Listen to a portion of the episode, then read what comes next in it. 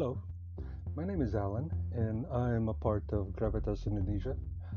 And my friend in the early episode talked about energy on a personal, psychological, and individual level related to the positive and negative aspects of energy.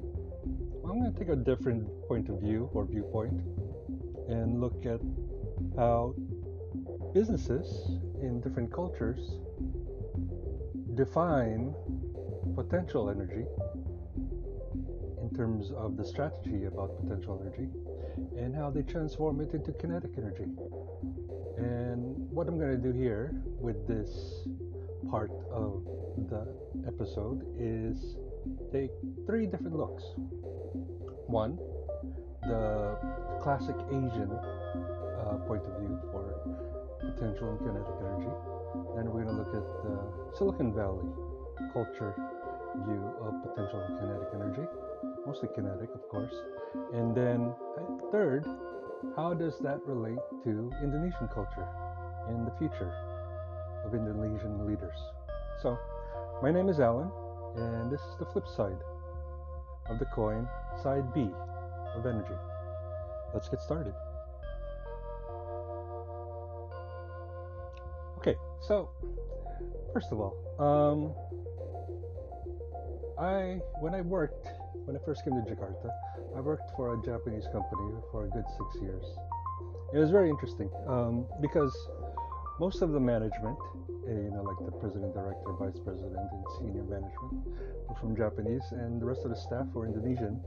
And I was the only non-Indonesian or non-Japanese in that company at that time. It was a multi-finance company, uh, one of the largest uh, multi Japanese multi-finance companies in the world. And the interesting thing was that really astounded me was the way or the method that the Japanese manage, management would make a decision. And it was sort of like this, if you if I could describe it like a kabuki theater in a way, where there's not a lot of uh, big discussions, a lot of big meetings everything was very quiet, very one-on-one among the Japanese management. And what I realized was that what they were doing was that they were slowly building consensus, or they were slowly building the potential energy related to a decision that needed to be made.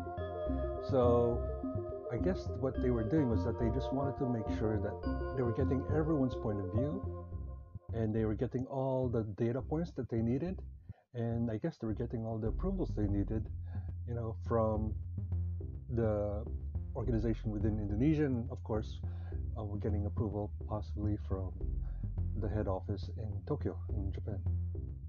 And then eventually they would get to the point where they would have that big meeting, but it was just a meeting of formality because it turns out the decision was already made, you know, beforehand amongst themselves, and it was the meeting was just more of an announcement of the decision, right?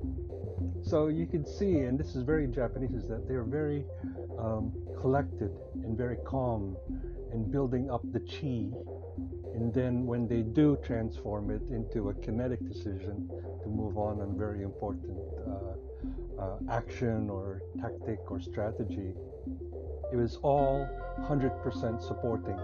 There was no dissent, there was no critical comments. Everything was already taken care of, you know, beforehand. So that was that was very cool to observe and experience. Now I want to talk about kinetic energy, uh, specifically with SpaceX. As you know, SpaceX is from Elon Musk. Elon Musk, of course, is you know popular or famous for um, building uh, Tesla and SpaceX. And just recently, I think it was like a couple days ago, May 5th, two or three days ago, they successfully landed their Starship rocket. Now, the funny thing is, well, not funny thing, but deliberate thing was that they purposely tested three or four rockets to be launched into the air, right? And then as they tried to land the same rocket, they exploded. So they basically launched four rockets in the air for them to attempt to land them again after I think it was about 10 kilometers into the atmosphere. And then when they came back down, hoping to land it, they would crash and they would explode spectacularly and would become big news about how Tesla is wasting money. But it turns out, right, that they were able to successfully land it two days ago. Why? Because they were constantly, constantly failing by design. They were constantly using the kinetic energy, small potential energy, but they were learning with a lot of data, a lot of knowledge gained, and then revising and upgrading the Starship to the point where they came to, I think it's SN15, right? Starship number 15, where it, it could eventually land. It wasn't perfect landing, by the way, but it landed without blowing up. So that's the kinetic energy as opposed to the potential energy that I was just describing in the beginning. Now, how does this all work with Indonesia? Well, obviously, Indonesian culture is very Asian culture, right? It's very passive, it's very deliberate. There's not a lot of risk, so you can't really imagine an Indonesian SpaceX.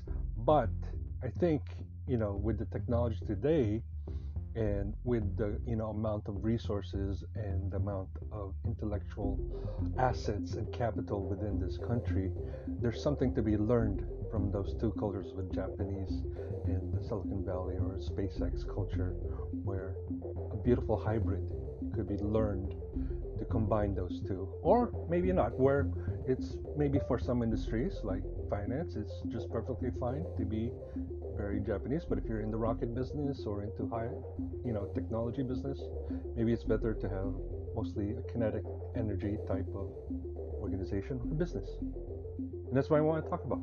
And that's it. So I hope you got something from that, and I'll talk to you later. Thanks. Have a good day. Bye.